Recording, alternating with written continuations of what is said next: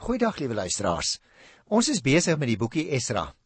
En ek het al vir jou gesê dat uh, ons 'n baie interessante verskuiwing het hier van die uh, 7de hoofstuk af wat ons uh, die vorige keer begin het, toe Esra nou vir die eerste keer eintlik regtig op die toneel gekom het. En die verskuiwing het daaroor gegaan dat toe Sesbassar Na koning Kores se uitspraak in die jaar 539 na Jerusalem gekom het, het hy en 'n hele klomp van die Judeërs teruggekom om die tempel te herbou. En nou is ons 'n goeie 8 dekades daarna en nou eers kom Esra op die toneel. En wat kom hy doen? Hy kom in die eerste plek nie mure en tempel bou nie, maar hy kom om godsdienstige hervormings te kom instel en dit dan ook deur te voer. En dit is natuurlik nooit iets makliks nie, hoor. Want onthou, hierdie mense wat nooit weggevoer was na Babel toe nie en wat agtergebly het in Jerusalem en in die res van uh, die land Palestina, hulle was mense wat nou vir amper al 'n eeu hulle eie ding kon doen op hulle manier. En so het dit dan ook gebeur dat baie van die Jode getrou het met vrouens uit ander volkere. En dit was wat die Jode betref gemengde huwelike want die gevaar daaraan verbonde was dat die Joodse godsdiens vermengd kon raak. En dit is nou die geskiedenis wat ons van Hosea 9 af tot aan die einde van Hosea 10 uh vandag op die tafel het. Kom ons gesels so 'n bietjie daaroor en dan lees ek eers die eerste paar verse van Esra, die 9de hoofstuk. Nadat die dinge gedoen is, het die leiers van die gemeente vir Esra gesê: "Die mense van Israel en die priesters en die leviete het hulle nie afgesonder van die nie-Joodse bevolking met sy afskuwelike gebruike nie. En die is nog dieselfde as die van die Kanaaniete en die ander volkere. Ons mense en hulle seuns het getrou met nie-Joodse vrouens. Hulle het hierdie volk hom laat vermeng met heidene. Leiers en amptdraers het die voortou geneem in die trouelose optrede. Toe ek dit hoor, skrywe Esra nou hier, hy sê toe ek dit hoor, het ek my klere geskeur, my hare en my baard uitgetrek en verslae gesit. Almal wat by die gedagte aan die opdragte van die Here van Israel vrees bevange was oor die troueloosheid van die mense uit die ballingskap, het by my kom staan. Ek het maar net verslae daar gesit tot die tyd van die aandoffer toe. Maar teen die tyd van die aandoffer het ek daar opgestaan waar ek my in my geskeurde klere verootmoedig het, op my knieë geval en my hande in gebed uitgestrek na die Here, my God. Nou liewe luisteraar, dit gaan hier nie sonder meer oor huwelike tussen mense van verskillende volkere nie, maar oor die regte verhouding met God. Ek het dit verlede keer onderstreep en nou net ook weer vir jou probeer onderstreep. In sy wet het die Here naamlik verskillende bepalinge gemaak oor die verhouding tussen hom en sy gelowiges. Sake wat hierdie verhouding in gevaar stel, word pertinent genoem. Nou, as ek 'n oombliekie mag vooruitgryp, nou is ek 10 vers 9, dan sal jy sien dat die gebeure wat beskrywe word in die 9de maand, dit wil sê in Desember van die jaar 458 plaasgevind. Dit is dus 4 maande na Esra se aankoms in Jerusalem. Nou, aangesien dit onwaarskynlik is dat Esra in die tussentyd onaktief sou wees, moet ons aanneem dat Nehemia 8 uh, as 'n mens daar gaan kyk, die voorlesing van die wet op die eerste dag van die 7de maand, dus Oktober 458 voor Christus kronologies tussen Esdra se aankoms en die gebeure wat ons hier lees in Esdra 9 uh plaasvind.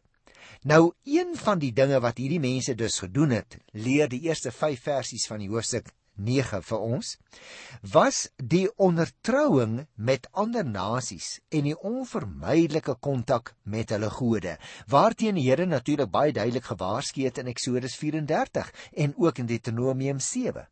Die Here eis naamlik onverdeelde getrouheid van sy gelowiges. En Esra was nou 'n kenner van God se wet. En hy het hierdie bepalinge en die gevaar wat dit ingehou het, daarteen het hy gewaarsku en vir die mense gesê julle het gedoen wat nie deur die Here geoorloof is om te doen nie. En dan as 'n mens nou sou lees, ek gaan nou nie al die verse lees by Hosea 9 vers 6 tot 15 nie, maar as 'n mens dit sou lees, dan kom daar nou 'n gebed na vore. Sal jy sien, Esra begin dan teen die aandse kant met 'n gebed van boetedoening en van skuldbelydenis. Hy bely byvoorbeeld dat Israel deur sy hele geskiedenis nog altyd geneig was om ontrou te wees aan die Here en dat die Here hulle ten regte in die ballingskap laat wegvoer het. Dit is 'n interessante aspek wat hier in Esra se gebed na vore kom. Hoekom sê ek dit? Omdat daar ook al tye in ons eie geskiedenis in hierdie land waar ons aan die suidpunt van Afrika woon was, dat daar gesondig is deur mense. En eers later as daarop teruggekyk word, dan word die sonde bely. Nou altyd voel mense, "Jo, maar dit is nou 'n klap in die rigting van die voorgeslagte." Dis iets heeltemal Bybels, want ons kry dit ook hier.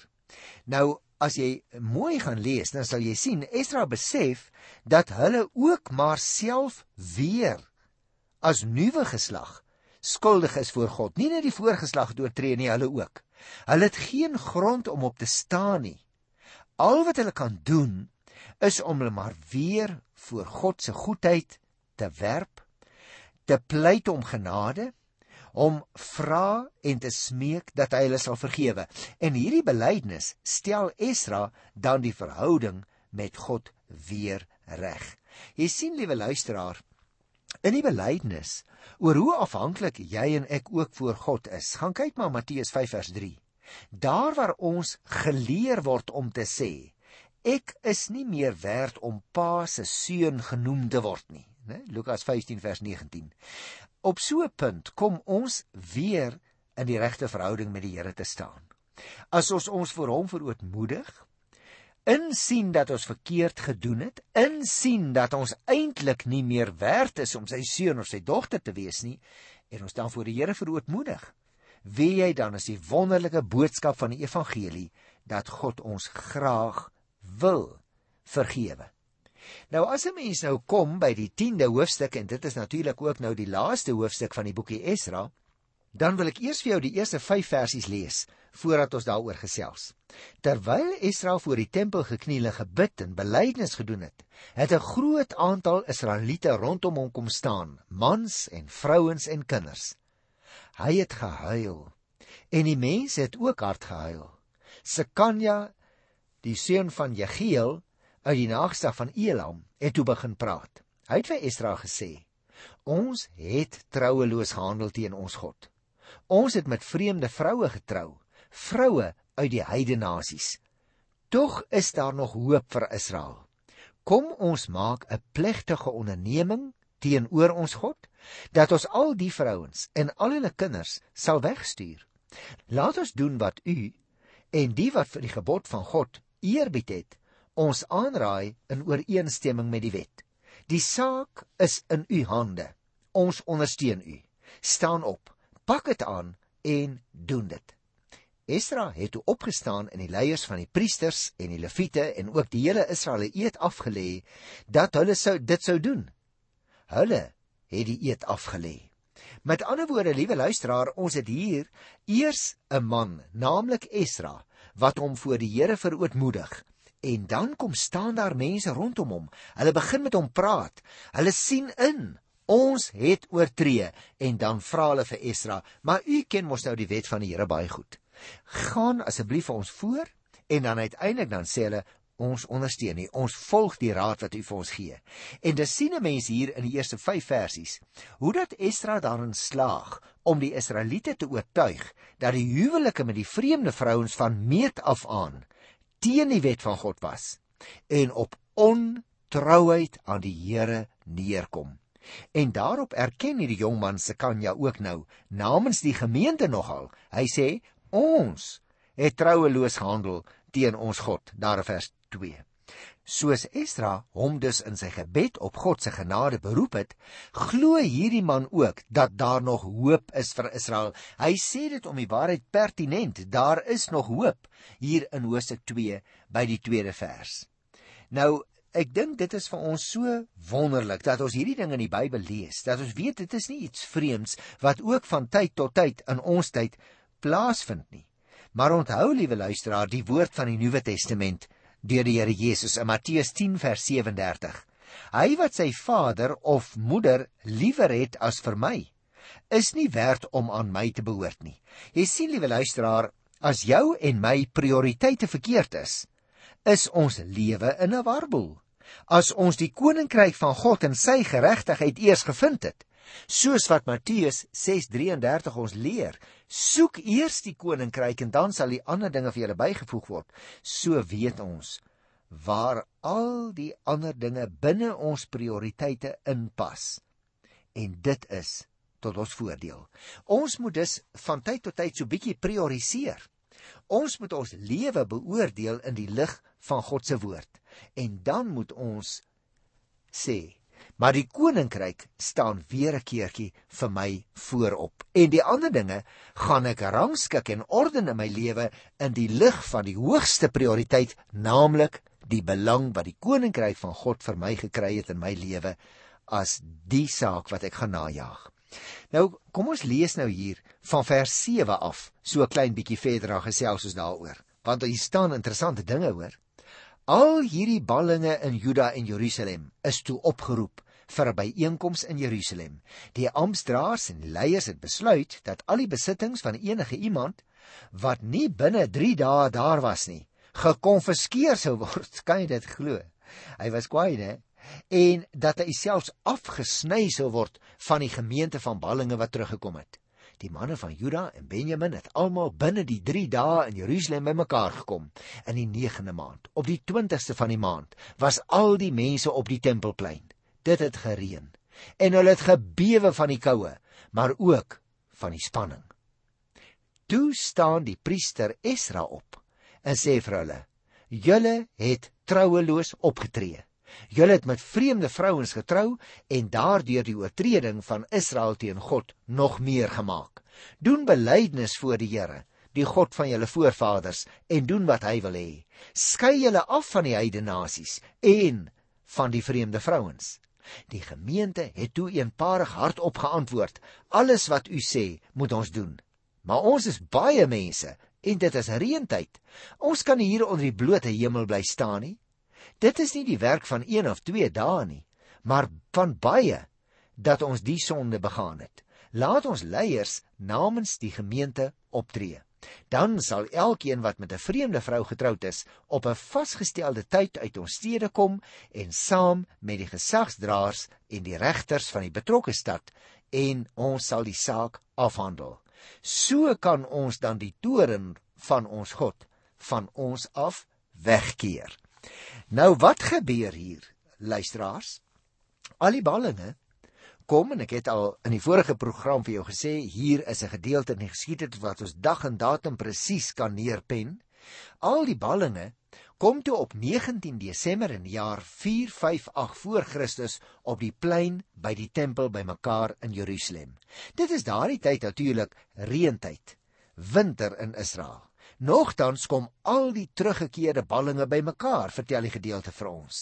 Uit vrees vir die dreigement dat die een wat wegbly sy besittings en sy lidmaatskap van die volk sal verloor. So Esra was baie baie kwaai met hulle, né? En weer eens word drastiese maatreëls vereis om die foute reg te stel. Daar word eenparig in die byeenkoms besluit om die huwelike met vreemde vroue te ontbind. Geregtelike kommissies word nou aangestel om terug te gaan en elke saak aan te hoor en elke een se saak op meriete te beoordeel. Tussen hakies luisteraars, 'n nie-Israelitiese vrou kon intussen soos Rut byvoorbeeld haar godsdiens laat vaar het, né? En in die Here begin glo het. Dan sou sy natuurlik in die Israelitiese geloofsgemeenskap aanvaar word. Die teenkanding van vier mans teen hierdie besluit. Uh wat van wie ons lees hier in die 15de vers kon of teen die saak van die skeiding in die geheel of teen die omslagtige hantering van die saak gewees het. Want hierdie vier sê nee, ons het nou 'n bietjie probleme. Hulle kon byvoorbeeld gedink het dat almal se muur moes skei. Sulke drastiese stappe, soos hierdie, gaan in elk geval met verskil van opinie in 'n gemeente gepaard. Niemand is ewe verhewe bo die tug en die eise van die Here se woord nie. Al is die herstel aksies hoe onpopulêr by daardie mense, die verhouding met God is deur hulle van die allergrootste belang en daarom sê hulle ons sal dit doen want uh, ons het gesondig. Ons mag nie met buitelandse vroue getrou het nie want ons het ons godsdiens begin vermeng. En liewe luisteraar dit is die belangrike punt dink ek wat ons moet raak sien. Kom ons lees nou hier by vers 18 daar is gevind dat die volgende priesters met vreemde vroue getroud is. Nou die oomblik as ons dit hier lees, dan besef ons dit was nie net die volksgenote maar wat met vreemde vroue, dit wil sê vroue wat aan ander godsdienste behoort het, getrou het nie, maar selfs die priesters. Hier staan in vers 18b uit die familie van Yeshua. Nou onthou nou Yeshua was op 'n stadium die hoë priester en nou is daar iemand uit sy geslag met dieselfde naam uit die familie van Yeshua, die seun van Josadak en die amptgenote was daar en nou word daar sekere name genoem.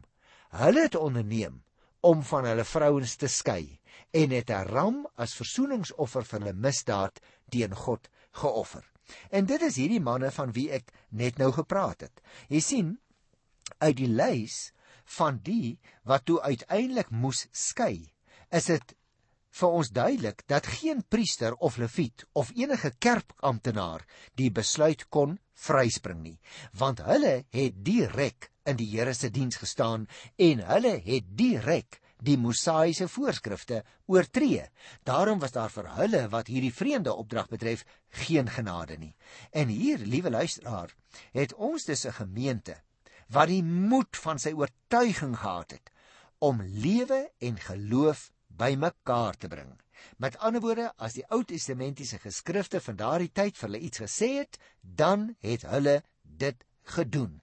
En dink nou net hoe baie besware het jy en ek soms wanneer ons selfs die Nuwe Testament lees en dan sê, "Joma, hierdie ding was so uh tydgebonde, dit geld nie meer vir my nie."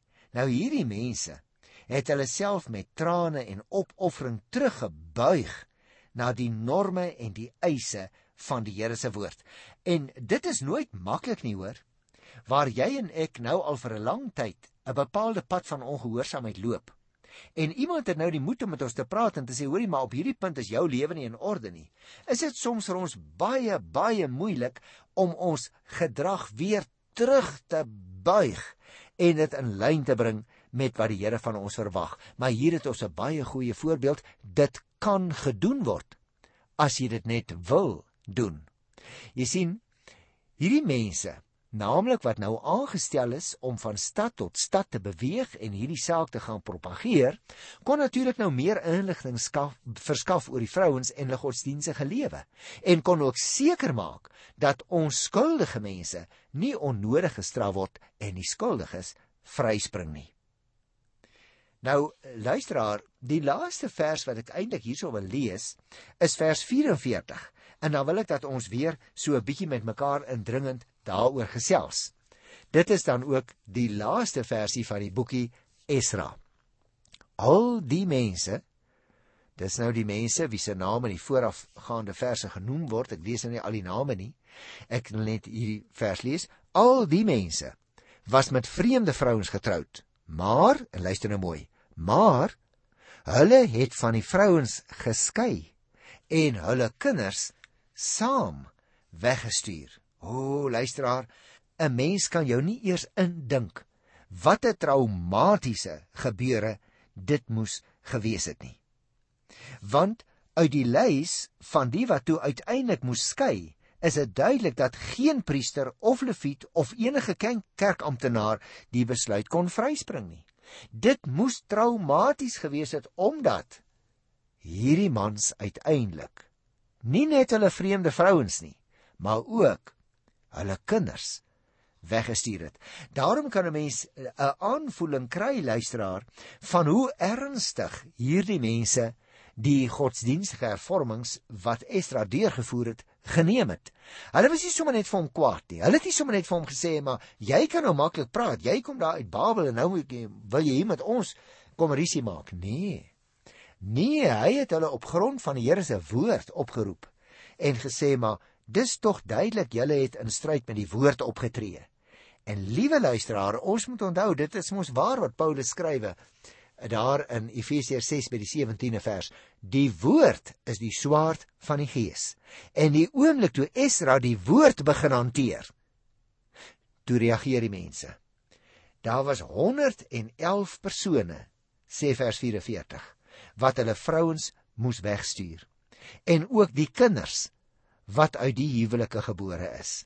En deur hierdie optrede lyk dit vir my, liewe luisteraar, het die priester Esra hom beslis gehaat gemaak by 'n deel van die bevolking. Maar tog het hy vasgebyt. Die motivering natuurlik vir Esra se optrede teen die gemengde huwelike was sy strewe om die Joodse godsdiens suiwer te hou. Alhoewel 'n mate van nasionalisme lyk dit vir my nie ontken kan word nie. Met ander woorde, dit skemer hier deur. As ek dit reg verstaan, luisteraar, dat Esra se politieke, sy volksgevoel, sy verbondenheid aan sy volk 'n bietjie sterk hier na vore kom. Maar hy voer sy argument, hy wen dit by sy mense en die volksgenote stuur die vreemde vroue en die kinders weg. Esra se reformatie wat ek net as naaks vir jou sê, was nie van blywende aard nie. Want net 'n paar jaar daarna moes Nehemia teen dieselfde soort sonde weer 'n keer optree. Jy kan dit so lank gaan lees in Nehemia 13 van die 23ste vers af as jy wil, want ons gaan so die Here wil in ons volgende program begin met die boekie Nehemia. Wat wel interessant is. Na sy optrede teen die gemengde huwelike, het Esdra van die toneel af verdwyn. Het jy dit al ooit opgemerk as jy die Bybel lees? Die vraag is natuurlik nou hoekom? Of hy sonder invloed en mag in Jerusalem bly woon het en of hy terug is Babel toe, dit weet ons nie. Maar soos wat 'n mens kan aanvaar, is daar altyd in 'n groot godsdienstige hervorming mense wat sê maar nou ja, ek hou nie van hierdie hervorming nie en ek hou ook nie van die persoon wat ons daarin gelei het nie. En dit is waarskynlik iets daarvan wat ons hier kry, want die boekie hou skielik op en ons weet nie presies wat die reaksie was nie. Kom ons gesels so 'n bietjie met mekaar, liewe luisteraar, oor teenstand, want jy weet, ook op godsdienstige terrein is teenstand 'n baie belangrike saak. Jy sou miskien vir my sê broer Johan en ons het dit ook al in ons gemeente gehad of in ons huisgesin. Nou as ons na hierdie verhaal van die boek Esdra kyk, dan sou ek dit wou sê. Daar was voortdurend teenstand teen die werk van die Judeërs. Hulle vyande het die werk aan die tempel op alle moontlike maniere in die wiele probeer ry. Hulle die Judeërs probeer bang maak en selfs daar geslaag om die bouwerk vir 'n hele lang ruk tot stilstand te laat kom. Danksy die optrede van die profete Haggai en Sagaria wat in hierdie tyd op die toneel was, is hierdie greep uiteindelik verbreek. Ons moet onthou luisteraar, die werk van die Here sal altyd vyande hê wat tot stilstand probeer dwing wat ander toegewydes probeer verrig. Ons moet egter getrou bly aan die Here.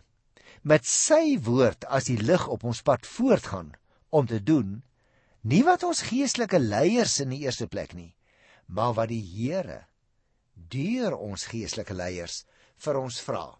En daarom as 'n mens nou uh, vir die laaste keer in ons program hierso die boek Esra toemaak, dan sê vir jouself die skrywer ja hy was 'n kronikus hy was 'n 'n persoon uit die 4de eeu voor Christus. Maar die lojaliteit aan die Here wat daar vore kom by Esra by name dit kan ons nie miskyk nie. Die agtergrond sal jy onthou.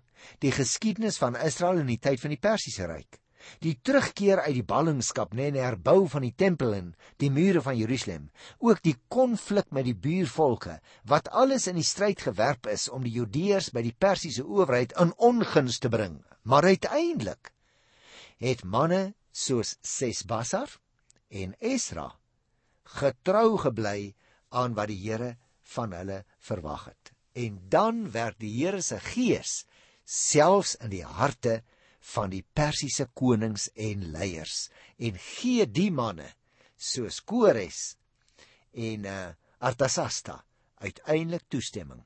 Weet jy, in ons dag is dit nog net presies so. As jy en ek dink iemand se hart kan nie verander nie, God kan deur sy gees die hardste hart in hierdie wêreld totaal laat omkeer. Kom ons prys sy naam daarvoor. Ons dink daaroor, ons bid daaroor en dan gaan ons volgende keer weer voort by die boek Nehemia as ons volgende tog. Tot dan, totsiens.